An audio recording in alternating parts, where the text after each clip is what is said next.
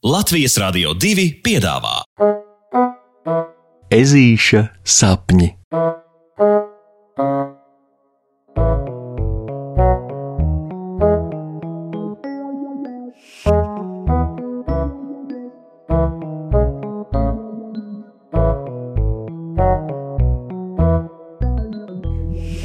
Ezītis un milzīgā bārda.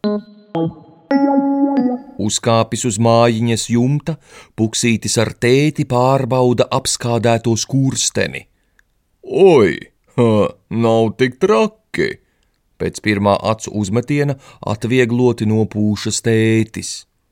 Lietiņa tāda, ka vakardien pēc īpaši gara darba cēliena pasta balodis Jānis pustumsā lidojot mājup, uz mirkli iesnaudās un neveiksmīgā kārtā ar knābi ieskrēja tieši ežu ģimenes skurstenī. Mmm, blīkšķis bija tik pamatīgs, ka puksīša mammai uz mirkli pat šausmās nobālēja purniņš, un viņa sāka žagoties. Laimīgā kārtā izrādījās, ka balodim nekas vairāk par izbīli nekaiš, un pēc tās nomierinošas tējas visi draudzīgi šķīrās. Tomēr šodien puksītis ar tēti, kā jau nopratāt, ir uzkāpuši uz jumta pārbaudīt arī skursteņa veselību. Papētot to tuvāk, paps atplauksts maidā. Hei, vēl labāk! Skurstenim nav ne skrambiņas! bet, kamēr tētis tā lodā ap dūmeni, ezītis sajūsminās par skatu, kas no jumta augstumiem pavaras uz melleņu ieplaku. Tēt, a, kāpēc mēs nekad neēdam brokastis, vai, piemēram, neuzrīkojam pikniku uz jumta? Ha, tas taču varētu būt tik forši un iedvesmojoši. Viņš izspļauj pirmo, kas uz mēles. Oh! Zini ko? Es arī nesaprotu. Kā gan mums tas nav ienācis prātā? Uzjautrināts atbild ežu tētis un raušas no jumta atpakaļ lejup, bet, kamēr viņš tā kāpj, ežulis turpina pētīt apkārtni. Wow! Tur tālumā taču var redzēt Vāveres Matildes mājas koku. Mazliet pa labi, rūpīgāk ieskatoties, vīda rokie ģimenes lāču, mīgas aprises, pa vidam ceļš uz skoliņu un... Pag, kas tad tur? Ežulis sāk pētīt kādu aizdomīga paskata veidojumu, kas ir samērā dziļi meža biezoknī un nekad līdz šim vēl nebija ievērots. Šis veidojums izskatās itin kā pēc koka, bet ar milzīgu bārdu, kas kā kādam mūžvecam opapam vai burvim stiepjas pār krūtīm līdz pat kāju pirkstiņiem. Hei, hei, tētī! Ežulis atkal uzrunā papu, kas tikko notrausies pa kāpnēm. Vai tu kādreiz esi redzējis koku ar bārdu? Viņš jautā ciešāk ieskatīdamies dīvainajā parādībā.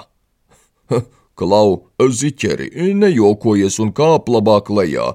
Man bail paliek skatoties, kā tu tur viens pa jumtu liderējies. Uh, bet. Uh... Puksītis vēl ko vēlas teikt, tomēr tēta Nekādus bet viņu aptur. Tāpēc ežulis burtiski pērtiķa veiklībā noraušas pa kāpnēm lejā. Zini ko, es apmetīšu mazu aplīti, gribu kaut ko apskatīt. Viņš izmet un jau rikšo uz to pusi, kur no jumta tikko kā ievēroja milzīgo kokbārdaini. Lai arī kā meklētu, lai arī kā mērītu soļus bošs, kā villainīt, no jumta redzētais brīnums, kā neatrodas, tā neatrodas. Bija taču, bija tepat kaut kur starp Matildes un Rokiem mājām. Viņš pie sevis pukojas. Eh! Bet izrādās, ka pukoties sācis arī puksīša vēders, kas kurkšķu valodā rājas, ka grib ēst. Tāpēc Tāpēc nekas cits neatliek, kā paciemoties netālajā knapsieriņa zirneklīša Paula mājā. Par, par ko tad man tāds gods? Priecīgs par apciemojumu ir Pauls. Nu, tā un tā, meklēju koku ar bārdu, ko ieraudzīju no savas mājas jumta, bet, kad neatradu, izdomāju piekāpt ciemos un, un pajautāt, vai tev gadienā nav kaut kas garšīgs, godīgi sparvaļā puksītis. Nes kāpēc Pauls pēc ežuļa teiktā nevis dodas pēc cepumiņiem, bet klusēdams sēž, ieplatis visas savas sešas acis. O, ko tu tā brīnies? E, man tiešām puncis kurkšķi. Neizpratnē ir ežulis. O, tu, tu taču redzēji meža vectētiņu, sazvērnieciski paziņo Pauls. O, ko?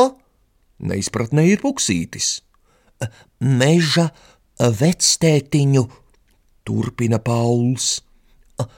Tā ir sen, sena, sen knapsieriņa zirnekļu leģenda.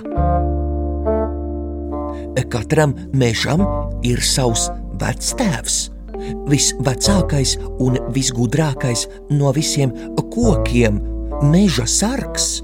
Bet tā kā viņš ir tik vecs, tad atpazīstams pēc viņa milzīgās ķērpju bārdas. Pauls stāstot arī mazliet ieķiķinās.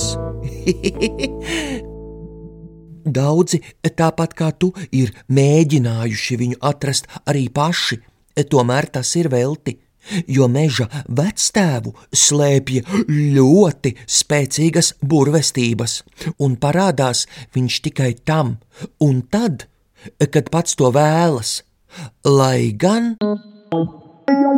Un šajā brīdī Pauls bijībā norīs iekalas.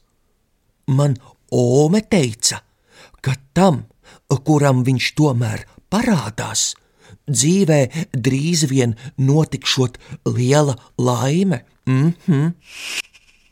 Pēc nu pat pateiktā, abi draugi mirkli sēž vēl klusēdami wow! Pieēdis pilnu punci ar cepumiņiem un dodoties mājās, puksītis pie sevis vēl spriedelē par to, nez kas šī lielā laime varētu būt, bet tā arī neizdomājis nolemj vienkārši turēt acis vaļā.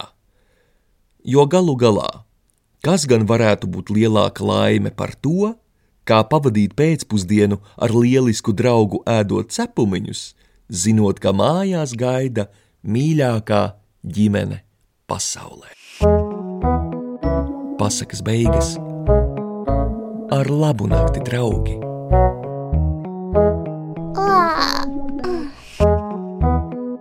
Saldus tev sapnīšus! Tiksimies rītdien!